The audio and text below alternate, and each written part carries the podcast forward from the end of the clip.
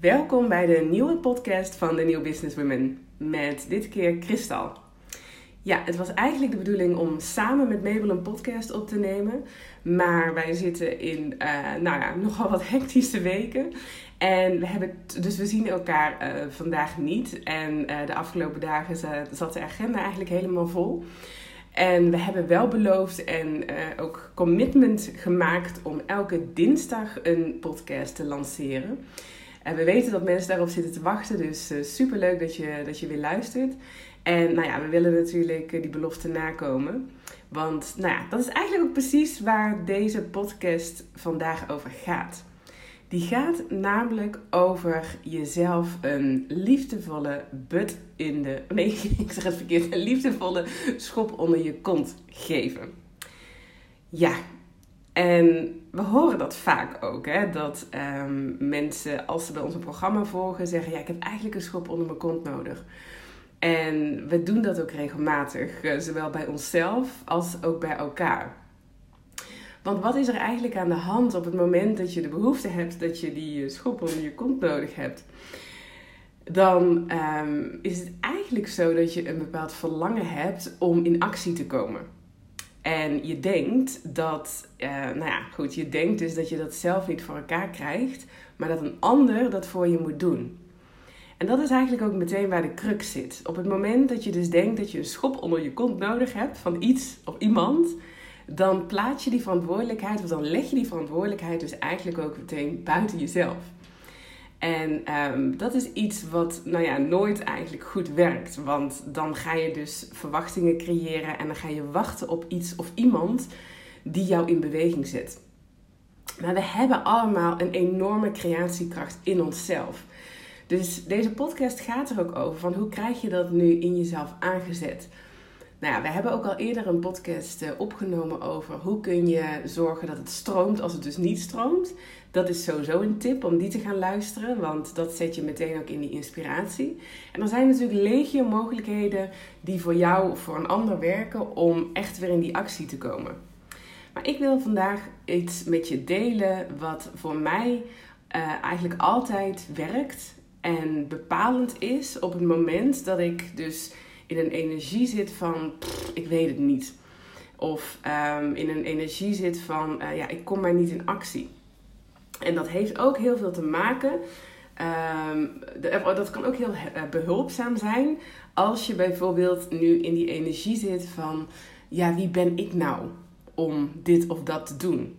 Want er kunnen natuurlijk allerlei redenen zijn waarom je even uh, ja, niet in die flow zit. Het kan zo zijn dat je um, onzeker voelt of je wel iets kunt gaan doen of een bepaalde stap kunt gaan zetten. Het kan zijn dat je gewoon even inspiratieloos bent. Nou, als dat het geval is, moet je echt naar onze podcast luisteren. Maar wat als het niet stroomt? Maar het kan ook zijn dat er gewoon andere redenen zijn waarom je voelt dat het even niet uh, voor je werkt. En dat je even niet zo productief kunt zijn als dat je graag zou willen. Nou, en wat mij altijd helpt is dus om uit te zoomen om echt even, even van een afstandje naar alles te gaan kijken. Even vanuit het grotere perspectief. Sowieso is dat wel iets wat mij kenmerkt.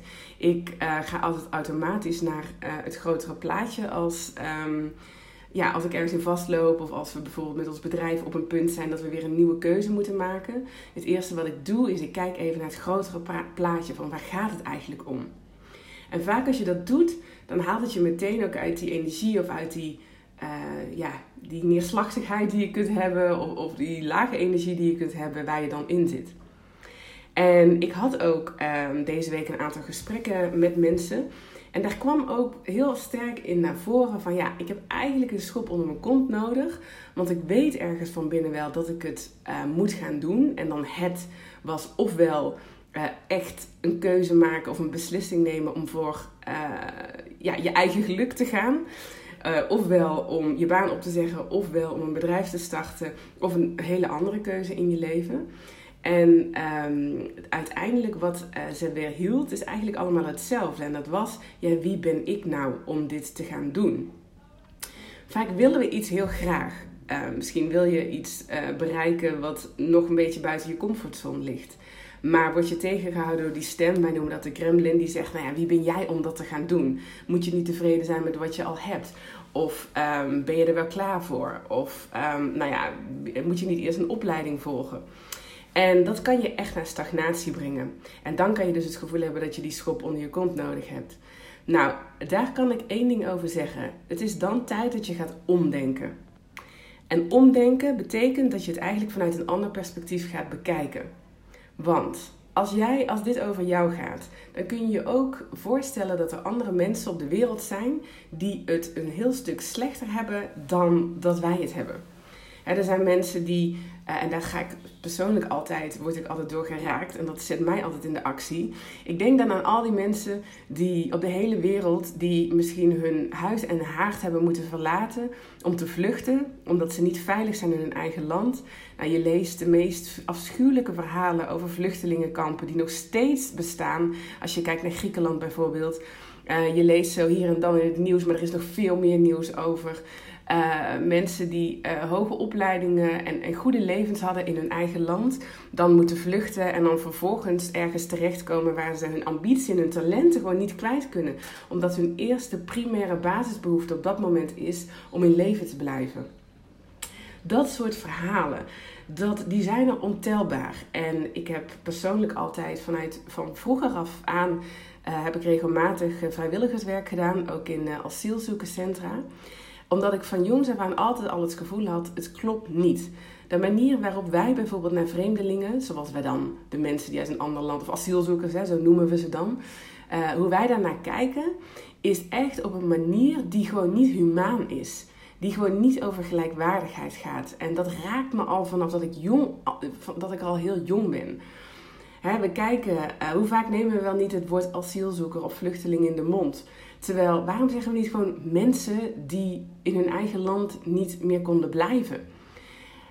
Ik vind dat we te veel in stereotype gedachten zitten daarover. En um, vaak wordt er ook gezegd van ja, maar dat zijn gelukzoekers. Ja, wat is er mis om geluk te zoeken? Als je zelf denkt dat je ergens anders meer geluk kunt gaan ervaren of geluk kunt gaan krijgen, zou je dan ook niet verhuizen? Terwijl het, hè, of, of zou je dan ook niet een stap zetten? Moet je per se in groot gevaar zijn om ook echt het recht te hebben om over de grens heen ergens anders je heil te zoeken? Kunnen we niet gewoon met z'n allen meer van elkaar leren, juist door vanuit de gelijkwaardigheid met elkaar om te gaan? En uh, dat is iets uh, waar we met z'n allen gewoon veel vaker bij stil mogen staan, denk ik. En het gaat niet alleen om mensen die gevlucht zijn vanuit andere landen. Het gaat ook bijvoorbeeld om mensen die uh, niet in, dingen hebben meegemaakt en niet in staat zijn geweest om daar op een bepaalde manier uit te komen. Hè, als je op straat loopt en iemand ziet die geen dak boven zijn hoofd heeft en vraagt of je hem kan helpen of haar kan helpen, of dat niet eens vraagt, geef je eigenlijk wel een of zeg je eigenlijk wel gedag tegen zo iemand? He, zeg je eigenlijk wel gedag tegen zo iemand? Is het niet ieders recht om gezien te worden hier op de wereld? En uh, het geldt ook gewoon voor allerlei mensen waar je misschien niet in eerste instantie, um, die je niet in je eigen omgeving hebt, maar die net zo goed als wij mens zijn. We zijn allemaal mens. En wat heeft dit nou met die manifestatiekracht te maken? Of wat heeft dit nou te maken met die schop onder je kont? Nou, ik, ik, wil allereerst benoemen dat het er niet om gaat. Dat is niet mijn intentie, dat voel ik er ook niet bij. Dat je medelijden gaat hebben met andere mensen die het in jouw ogen minder goed hebben. Absoluut niet. Want ik geloof juist dat iedereen, uh, ja, dat, dat iedereen uh, haar of zijn eigen pad heeft en eigen weg. En dat het een niet beter is dan het ander. En dat alleen de orde in ons hoofd dat daarvoor zorgen. Dat wil ik dus wel daar van tevoren benoemen.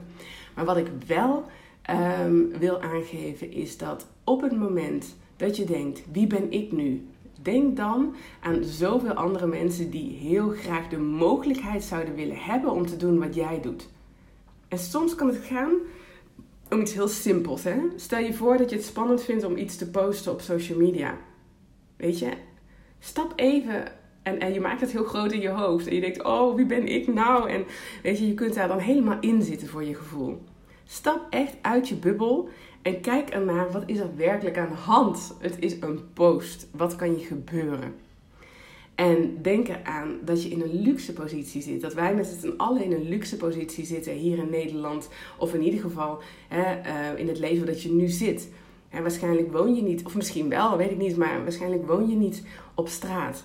Of, uh, en als dat wel zo is en je vindt dat niet erg is, dat natuurlijk ook niet erg. Maar uh, weet je, vaak hebben we gewoon zo ontzettend veel om dankbaar voor te zijn. En al jouw talenten, je passies en, en al dat soort dingen en je ambitie, die heb je niet voor niets. die heb je niet voor niets gekregen. Het is een voorrecht dat je het hebt. Dus het is niet de vraag, wie ben ik nou? Of je hebt geen schop onder je kont nodig van iemand anders. Het gaat erom dat je in jezelf dat gevoel aanboort dat het je noodzaak, of je, je, dat het een noodzaak is om wat te doen met alles wat je hebt gekregen. Want als je het niet doet, kun je dat überhaupt maken tegenover andere mensen. Zo kun je ook denken. Je kunt denken, wat zullen ze van me denken? Maar je kunt ook denken, eigenlijk kan ik het niet maken naar al die mensen die graag ook dit zouden willen kunnen en willen doen om het niet te doen. De enige die daarin in de weg staat, ben jezelf. En um, ja, dat is iets wat um, vanuit dat perspectief wat me gewoon altijd al bezighoudt. En wat ervoor zorgt ook dat ik, uh, ja, dat ik heel vaak gewoon wel in de actie ben of ga.